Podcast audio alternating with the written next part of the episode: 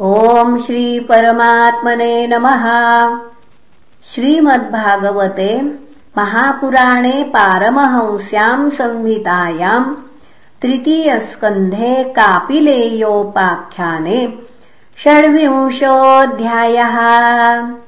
श्रीभगवानुवाच। अथ ते सम्प्रवक्ष्यामि तत्त्वानाम् लक्षणम् पृथक् यद्विदित्वा विमुच्येत पुरुषः प्राकृतैर्गुणैः ज्ञानम् निःश्रेयसार्थाय पुरुषस्यात्मदर्शनम् यदाहुर्वर्णयेतत्ते हृदयग्रन्थिभेदनम् अनादिरात्मा पुरुषो निर्गुणः प्रकृतेः परः प्रत्यग्धामा स्वयम् ज्योतिर्विश्वम् येन समन्वितम् स एष प्रकृतिम् सूक्ष्माम् दैवीम् गुणमयीम् विभुः यदृच्छयैवोपगतामभ्यपद्यतलीलया गुणैर्विचित्रा सृजतीम् स्वरूपाः प्रकृतिम् प्रजाः। विलोक्य मुमुहे सद्य स इह ज्ञानगूहया। एवम् पराभिध्यानेन कर्तृत्वम् प्रकृतेः पुमान्। कर्मसु क्रियमाणेषु गुणैरात्मनि मन्यते तदस्य संसृतिर्बन्ध पारतन्त्र्यम् च तत्कृतम् भवत्यकर्तृरीशस्य साक्षिणो निवृतात्मनः। कार्यकारणकर्तृत्वे कारणम् प्रकृतिम् विदुः भोक्तृत्वे सुखदुःखानाम् पुरुषम् प्रकृतेः परम्। देवहूतिरुवाच। प्रकृतेः पुरुषस्यापि लक्षणम् पुरुषोत्तमम् ब्रूहि कारणयोरस्य सदसच्च यदात्मकम् श्रीभगवानुवाच। यत्तत्त्रिगुणमव्यक्तम् नित्यम् सदसदात्मकम्। प्रधानम् प्रकृतिम् प्राहुरभिवे पुनः प्रधानम् प्रकृतिम् प्राहुरविशेषम् विशेषवत्। पञ्चभिः पञ्चभिर्ब्रह्म चतुर्भिर्दशभिस्तथा एतच्चतुर्विंशतिकम् गणम् प्राधानिकम् विदुः महाभूतानि पञ्चैव भूरापोऽग्निर्मरुन्नभः तन्मात्राणि च तावन्ति गन्धादीनि मतानि मे इन्द्रियाणि दशश्रोत्रम् त्वग्दुग्धृग्रसनासिकाः वाक्वरौ चरणौ मेढ्रम्। पायुर्दशम उच्यते। मनोबुद्धिरहङ्कारश्चित्तमित्यन्तरात्मकम् चतुर्धा लक्ष्यते भेदो वृत्त्यालक्षणरूपया एतावानेव सङ्ख्यातो ब्रह्मण सगुणस्य सन्निवेशो मया प्रोक्तो यः कालः पञ्चविंशकः प्रभावम् पौरुषम् प्राहुः कालमेके यतो भयम्। अहङ्कारविमूढस्य कर्तुः प्रकृतिमीयुषः। प्रकृतेर्गुणसाम्यस्य निर्विशेषस्य मानवि चेष्टायतः स भगवान् काल इत्युपलक्षितः। अन्तः पुरुषरूपेण कालरूपेण यो बहिः। समन्वेत्येष सत्त्वानाम् भगवानात्ममायया दैवाक्षुभितधर्मिण्याम् स्वस्याम् यो नौ परः पुमान्। आधत्तवीर्यम् सा सूतो महत्तत्त्वम् हिरण्मयम्। विश्वमात्मगतम् व्यञ्जन् कूटस्थो जगदङ्कुरः। स्वतेजःसापि भक्तीव्र मात्मप्रस्वापनम् तमः यत्तत्सत्त्वगुणम् स्वच्छम् शान्तम् भगवतः पदम् यदाहुर्वासुदेवाख्यम् चित्तम् तन्महदात्मकम् स्वच्छत्वमविकारित्वम् शान्तत्वमिति चेतसः वृत्तिभिर्लक्षणम् प्रोक्तम् यथापाम् प्रकृतिः परा। महत्तत्त्वाद्विकुर्वाणा भगवद्वीर्यसम्भवात् क्रियाशक्तिरहङ्कारस्त्रिविधः समपद्यत वैकारिकस्तैजसश्च तामसश्च यतो भवः मनसेश्चेन्द्रियाणाम् च भूतानाम् महतामपि। सहस्रशिरशम् साक्षाद्यमनन्तम् प्रचक्षते सङ्कर्षणाख्यम् पुरुषम् भूतेन्द्रियमनोमयम् कर्तृत्वम् करणन्त्वम् च कार्यत्वम् चेति लक्षणम् शान्तघोरविमूढत्वमिति वा स्यादहङ्कृतेः वैकारिकाद्विकुर्वाणान्मनस्तत्त्वमजायत यत्सङ्कल्पविकल्पाभ्याम् वर्तते कामसम्भवः।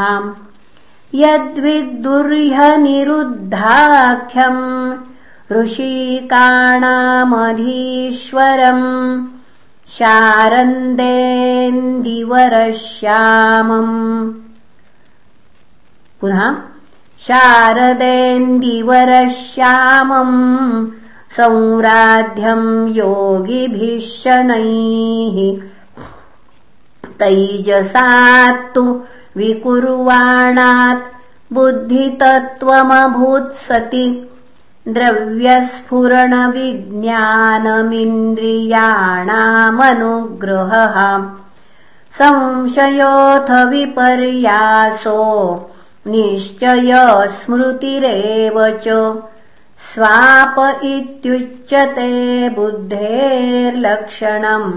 वृत्तितः पृथक् तैजसानिन्द्रियाण्येव क्रियाज्ञानविभागशः।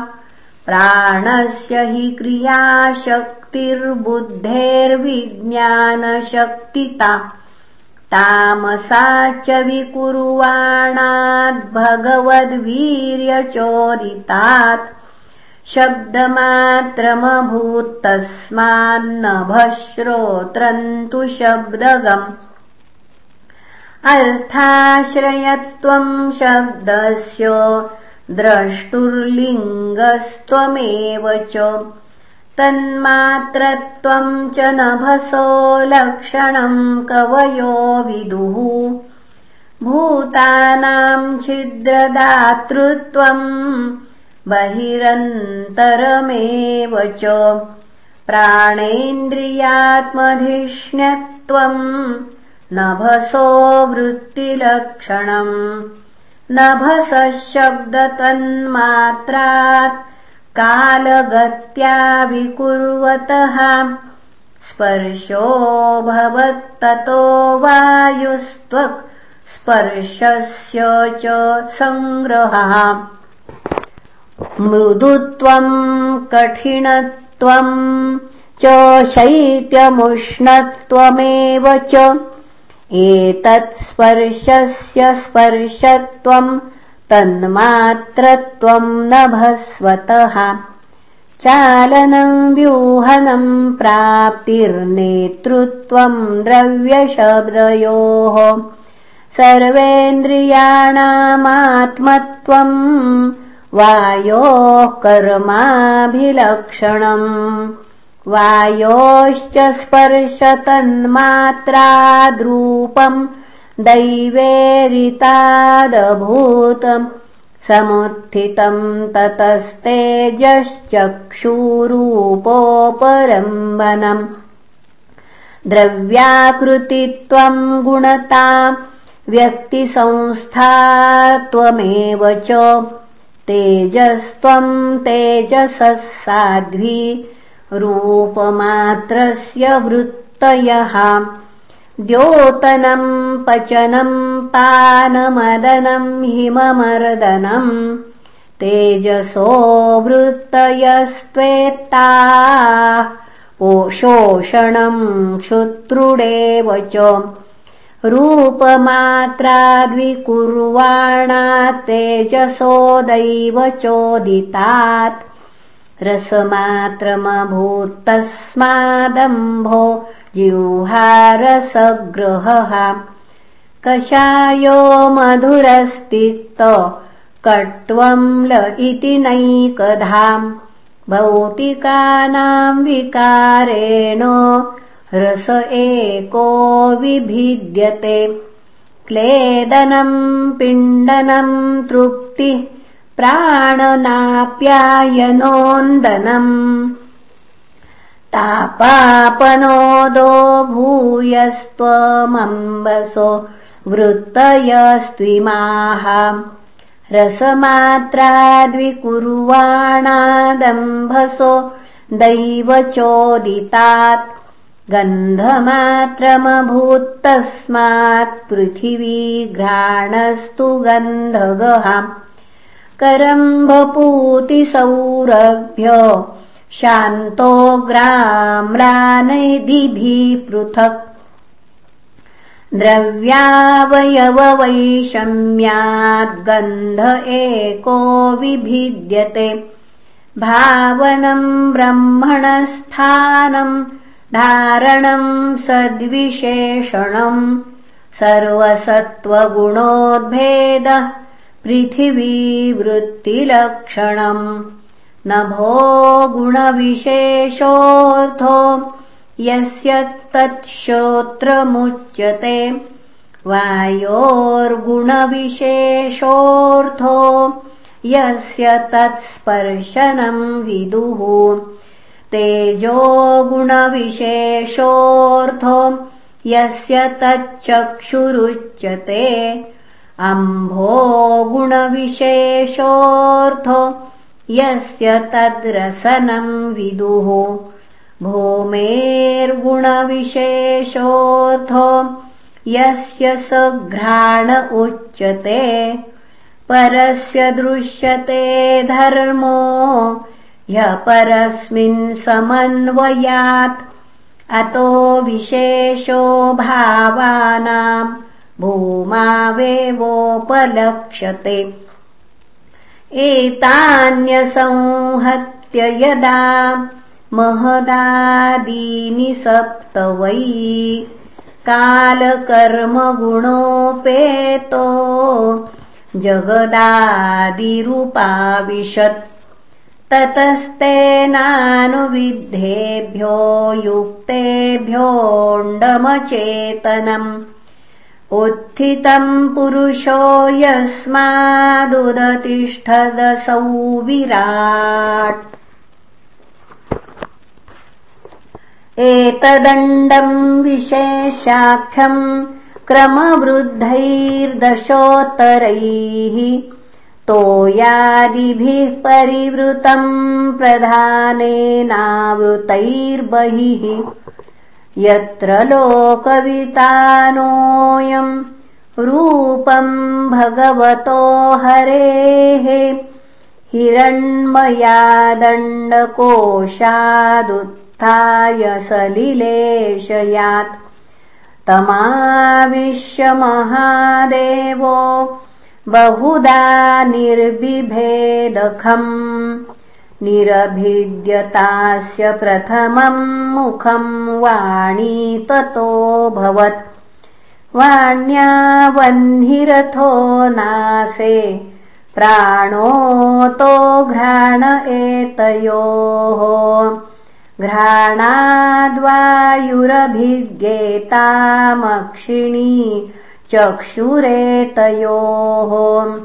तस्मात् सूर्यो व्यभिद्येताम् कर्णौ श्रोत्रम् ततो दिशः। निर्बिभेदविराजस्त्व ग्रोमश्मश्वादयस्ततः। तत ओषधयश्चासन् शिष्णम् निर्बिभेदे ततः। पुनः तत ओषधयश्चासन् शिष्णम् निर्बिभिदे ततः। रेतस्तस्मादाप आसन्निरभिद्यत वै गुदम् गुदादपानोपानाश्च मृत्युलोकभयम् करहा हस्तौ च निरभिद्येताम् बलम् ताभ्याम् ततस्वराट्।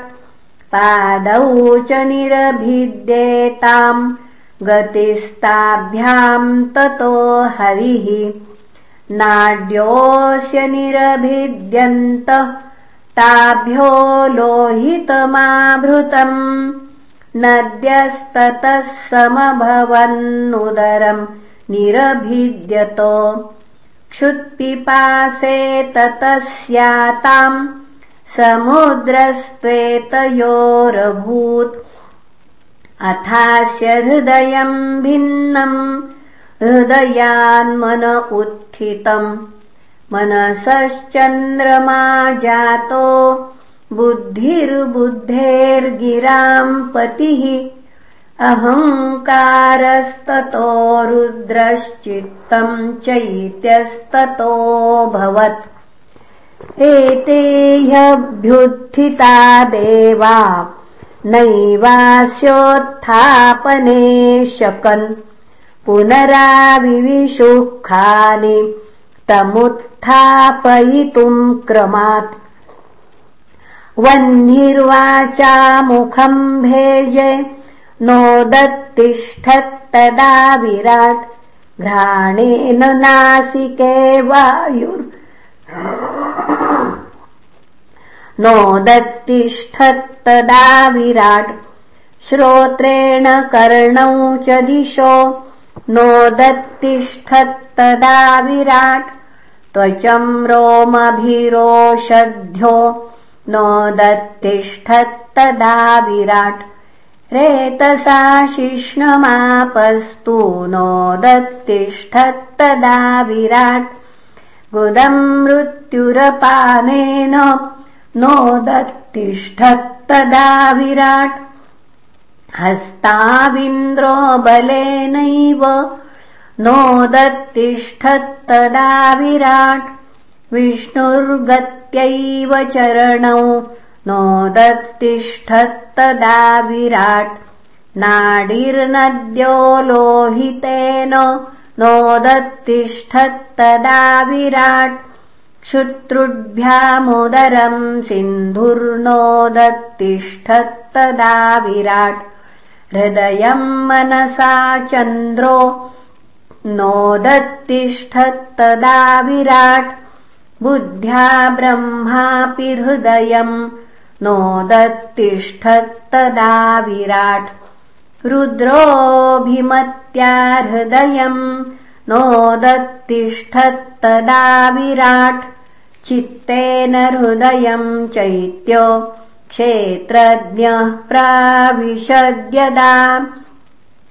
विराट् तदैव पुरुषः सलिलादुदतिष्ठतो यथा प्रसुप्तम् पुरुषम् प्राणेन्द्रियमनोधियः प्रभवन्ति विनायेन नोत्थापयितुमोजसाम् तमस्मिन् प्रत्यगात्मानम् धिया योगप्रवृत्तया भक्त्या विरक्त्या ज्ञानेन विविच्यात्मनि चिन्तयेत्। इति श्रीमद्भागवते महापुराणे पारमहंस्याम् संहितायाम् तृतीयस्कन्धे कापिलेये तत्त्वसमाम्नाये षड्विंशोऽध्यायः। श्रीकृष्णार्पणमस्तु। हरये नमः हरये नमः हरये